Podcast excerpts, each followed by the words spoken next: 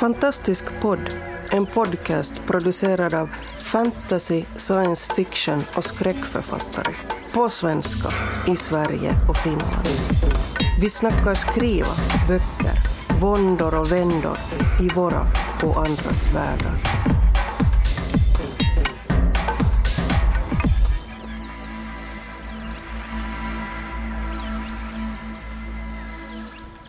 Hej och välkommen till Fantastisk podd som idag befinner sig i Malmö. Det är jag, Kristina Hård, Karin Tidbeck och Nena Ormes. Ämnet är champagne och choklad. Eller det extra positiva i att vara författare. Och något som man får göra som författare det är ju att signera böcker. Nenne, hur var det första gången du signerade? Min första signering var ju lite annorlunda än alla andras, det är jag rätt övertygad om. Eftersom jag signerade i SF-bokhandeln och hade jobbat där i flera år under hela den tiden som jag skrev boken faktiskt. Så jag hade stora lokala stödtrupper. Jag hade hela min släkt och min familj, alla mina vänner. Eh, vi hade beställt hem massor med böcker eh, och de sålde slut precis allihop. Vi fick avvisa folk i dörren. Men jag satt också en hel dag och signerade. Så det gav mig ju lite grann en, eh, en uppschasad bild av vad det här med signeringar skulle vara. Och den fick jag ju rätt snabbt tagen ur mig. Signering nummer två tror jag kom en person. Och det var ju i en främmande bokhandel. Så att eh, det var inte riktigt samma grej. Och jag var ju medveten om det här men det gav mig också en chans att studera hur det fungerar i olika, i olika bokhandlar och hur läsare fungerar. Och jag var fortfarande i Malmö så jag var fortfarande i min stad. Men jag var inte i min bokhandel. Men eh, som bokhandlare då när jag tittar på signeringar så finns det ju ett par saker som, som man kan tänka på. När man ska komma till en bokhandel att ta kontakt med dem som ska ta hand om en.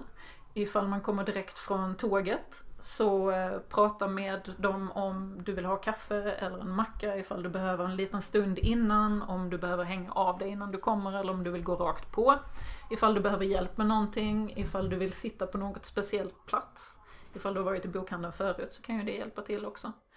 Och ifall du behöver någon annan så, props, någon rekvisit av någon sort. Har vi pratat om pennor och Har vi pratat om pennor? Jag vet inte. Um, men vi kan ju prata om pennor. Vi kan absolut pennor. prata om pennor. Pennor är jätte, jätte, jätteviktigt. Jag har min finpenna som är en reservoarpenna med arkivsäkert bläck, midnattsblått. Eh, och som jag alltid har med mig till signeringar. Och eh, det, är ju, det är ju viktigt vilken sorts penna man har. Ja men verkligen, du får inte lov att kladda och kludda och spilla och läcka igenom. Nej, precis. För det är en sak som bokhandlarna inte kommer till att ha till dig. En speciell penna. Ska du ha en så får du ta med dig den själv. Det kommer till att finnas andra pennor men det är vanliga bläckpennor. Och det har ju hänt att jag har dykt upp utan min speciella penna. Ja, vad har du för penna? Jag har en pilot. Men med arkiv fast bläck i. Mm. Jag har en som gör en väldigt tunn linje fast det är då en kulspetspenna. Men ibland kan man nästan tro att det är en eh, tunn blyertslinje eller en väldigt tunn skarp linje. Jag gillar den för det, ja. Jag inbillar mig att jag skriver snyggare när jag har den pennan för jag kan skriva något fruktansvärt fult och helt oläsligt. Och det är lätt att det blir så. Så med den pennan känner jag mig lite tryggare. Skriver ni speciella saker?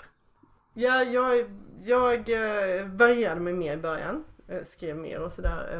Eh, jag har blivit lite mer att jag håller mig till eh, en eller två eller ungefär samma.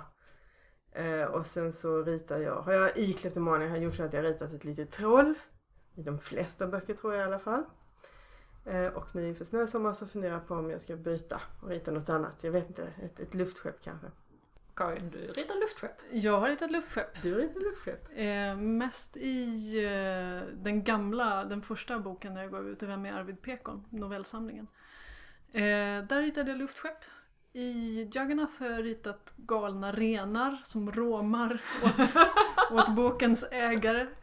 Eh, I Amatka har jag skrivit slagord typ leve kollektivet och sådana saker. Men det är rätt bra att ha någonting.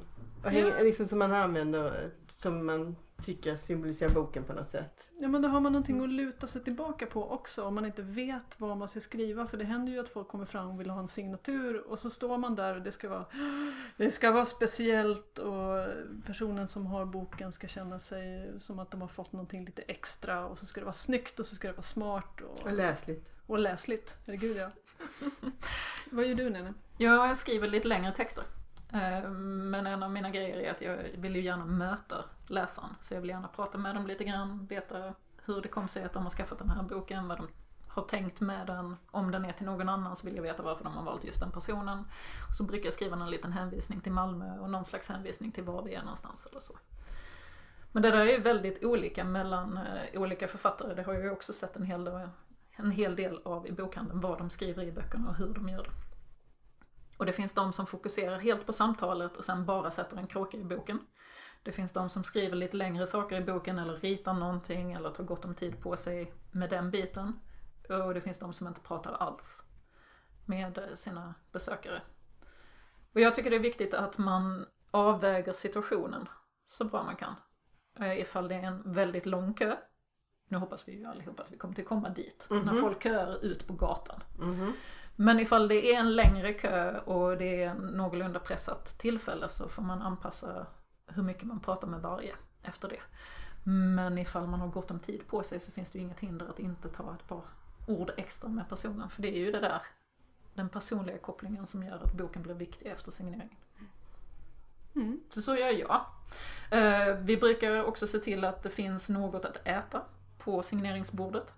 Både för eh, författaren som sitter där och kanske behöver lite extra socker. Det känner du väl igen? Ja, jag får blodsockerfall på signeringen för att jag blir så här nervös och när jag blir nervös så blir jag hungrig och när jag är hungrig får jag blodsockerfall. Ja, Ja. en ond spiral. Mm. Och då kan man både äta av det själv och bjuda den andra personen på det. Läsaren då. Och i det så gör man också situationen normal. För det där med att vara nervös är ju inte bara författaren som är. Nej, Det är ofta att det är personen som står framför författaren som är nervös också. Vilket känns väldigt underligt att tänka på när vi står här som helt vanliga människor. Och det är ju inte så att man som författare liksom tar för givet att man ska få signera böcker. Nej, absolut Utan inte. varje gång är ju, oj, wow, för oss också. Att det är jätteroligt och just när det kommer sån här spontan, någon kommer spontant fram till en när det inte är en specifik signering och frågar kan du signera den här boken eller din bok. Då är det ju suveränt. det är riktigt coolt. Och jag har haft hela vägen upp till eh, kvittriga personer som har stått och liksom fnissat sig röda i huvudet framför mig. Det har varit väldigt gulligt. Mm. Och då har det ju varit läge att bjuda på någonting, att lugna ner situationen lite grann, att prata med dem, ställa lite vanliga frågor och se så att man kan få till det där meningsfulla samtalet på, som man hoppas att det blir även om det är på en kort tid. Så får man lära sig att ta beröm. Ja gud, det, det är inte Mm. lätt. Nej, det är verkligen inte lätt, men det är Nej. väldigt viktigt för signering. Annars sitter man där bara röd i huvudet, skruvar på sig obekvämt. Det är ju tvegat det där för det är ju svårt. Alltså det finns ju enorma sociala kontrakt kring hur man ska ta beröm. Särskilt som kvinna så är det ju ganska farligt att bara säga ja, jag vet. När det är någon som säger att ens bok är jättebra. Det ska man ju inte göra. Jag vet inte, jag man tycker om män säger det så är det inte så mycket bättre. Ja, det Jag kan nog vet bero på. Ja, vi är ju svenskar, Jag blygsamhet det är klädsamt. Ja, jag tror att det, det, det är liksom kynnet. Falsk blygsamhet å andra sidan är inte så klädsamt. Jag brukar Nej. skämta om det. Det är inte så bra. Man ska bara säga tack. Få mycket beröm är ju en av de coola grejerna med att vara författare. Mm. Mm. Och alla som står och vill ha en bok signerad, de gör ju det för att de gillar boken eller för att de tror att de ska gilla boken när de läser den. Så det är ju bara en positiv situation. Jag har faktiskt blivit kritiserad för min första bok vid en signering av min andra bok. Va? Ja, det var- de det var ju väldigt ändå. Underlig situation. Eh, jag tror säkert att det lät bättre i huvudet på personen Det blir än vad det lät ut genom munnen. Ja. Men nej, det, det var väldigt lustigt. Jag eh, skrev att jag hoppades att han gillade bok nummer två bättre än bok nummer ett. Ja, ja. Så knöt vi an till det samtalet vi hade också. Ja. Ja, signering kan man finputsa på många olika sätt och man kan trimma det men man kan faktiskt aldrig veta precis hur det ska bli. Eller vad säger ni? Nej, det är omöjligt att veta. Nej. Kan gå jättebra, kan gå... Mm. Kan vara helt ensamt. Absolut, det kan vara märkliga situationer. Mm. Jag hade en signering i en eh, mindre bokhandel på en liten ort på den skånska slätten en fredag efter stängningsdags. med dåligt väder. Det gick en fotbollsmatch på en kanal som var väldigt stor, som alla skulle se. Jag kommer inte ihåg vilken det var. Och på den andra kanalen så tror jag att det var idolfinal eller någonting. Och det kom inte en enda person. Och jag åt snittar och drack vin och hade jättetrevligt med dem i bokhandeln. Ja, man får Så- göra det bästa av det helt Så det enkelt. blev faktiskt ett väldigt bra minne av det i alla fall. Signera är ju inte det enda som man kan eh, räkna till plussidan av författande. Nej. Det finns en massa annat. En av mina absoluta favoriter är att leva myten och sitta på fik och skriva. Ja men, men jag jobbar bättre på fika också. Jag, naturligtvis jag då som sitter i min lilla blus och kjol ibland. Ja, alltså Ah, det, det är väldigt sällan jag går dit i pyjamas. det, det händer faktiskt inte Alltså, ofta. fast det finns en sak som jag tycker är lite jobbig med fik. Det är att om man sitter där själv och man har satt, i, man har liksom satt upp datorn, man har kopplat in den och man har allting där. Och så, så när man behöver gå på toaletten så vill man inte lämna hela sin, sitt manus. Om man är ensam. Mm. Men då bara ko- kopplar man ur datorn och tar den med sig. Jo, jag menar det blir så rörigt så jag kan tänka att det är skönt att inte, då sitter jag hellre på bibliotek av någon anledning. Men det är ju ännu värre för då har de inga toaletter. Jo, det har de. Har de det? Men För de det biblioteket pengar. diskutera. Vi pratar inte om toaletter när vi pratar om hur coolt det är att vara författare. Det får finnas Okej, gränser. Vi, skip, vi, skip, vi skippar hela toalett, eh, toaletten. Ja. Okej, Ja, jag, jag sitter helst på bibliotek för jag tycker det är väldigt trevligt att sitta på bibliotek. men Eh, skulle du inte räkna det till leva myten? Jo, absolut. Det Mm. kan jag göra. Eh, Men så jag kan gå iväg och så ska jag sitta på bibliotek och eh, hitta någon liten hörna bland några konstiga böcker. En annan av mina absoluta favoritgrejer med det här författandet är att jag har blivit fotograferad av proffs så himla mycket. Ja, det är kul. Jag älskar att bli fotograferad. Från början. Eh, Jag vet inte när detta kom över mig, någonstans i 18-årsåldern tror jag. Men att bli fotograferad av proffs är ju vansinnigt roligt. De bilderna blir ju nästan alltid bra. Ja, Förutom den där enda surikatbilden som jag har. Den, den var inte bra. nej men det händer. Det händer. Jag har ett par bilder där jag ser ut som en undulat så jag förstår dig. Men visst är det coolt. Men det kan också vara väldigt, väldigt liksom, sist nu, när jag, jag blev fotad nu i, i våras för snösommar. Alltså det var ju så här, vi, det blev in i ett garage. Det var väldigt speciellt att stå inne i ett garage och bli fotad när folk höll på att parkera bilar. Så det blev också konstiga situationer. Jag har legat på gräsmattan i Slottsparken kring eh, statyn med de hoppande hjortarna. Jag har ålat runt i ubåten på eh, Sjöfartsmuseet här nere i hamnen.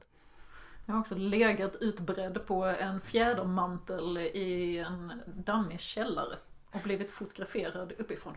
Jo, det har varit besynnerligt, men roligt. Mm. En av de absolut bästa bitarna med eh, författandet, en sån här oväntad bonus, tycker jag ändå är att man får lov att ljuga hur mycket som helst. Absolut. Ljuger ni mycket? Jag ljuger inte lika mycket som jag skulle kunna göra och det grämer mig lite. Jag borde ljuga mer. Man inser ju vilka möjligheter det egentligen finns att ljuga. För man, man är ju så van vid att dikta ihop historier. Jag tänkte det skulle leda till att vi drog varsin lögn. Ja, ja men det kan vi göra. Men det gör vi. Gör om gör om gör om det, gör om det. Om det. Okej. Eh, På, eh, på den noten tycker jag att vi eh, ljuger lite grann för oss själva. Och eh, går ifrån det här med inställningen att det går jättebra med mitt skrivande just nu. Suveränt. Mitt manus är ett genialiskt mästerverk. Precis. Absolut. Tack för att ni har lyssnat. Tack, tack. Tack. Får vi se om det blir något. Du har lyssnat på Fantastisk podd. Om du trivdes i vårt fantastiska poddsällskap och vill ha mer så hittar du äldre poddar och information om oss som deltar på vår hemsida under fantastiskpodd.se och på vår Facebook-sida Fantastisk podd. Har du frågor eller förslag på vad du tycker att vi ska tala om, hör gärna av dig antingen på Facebook eller via kommentarer på hemsidan. Vi hörs!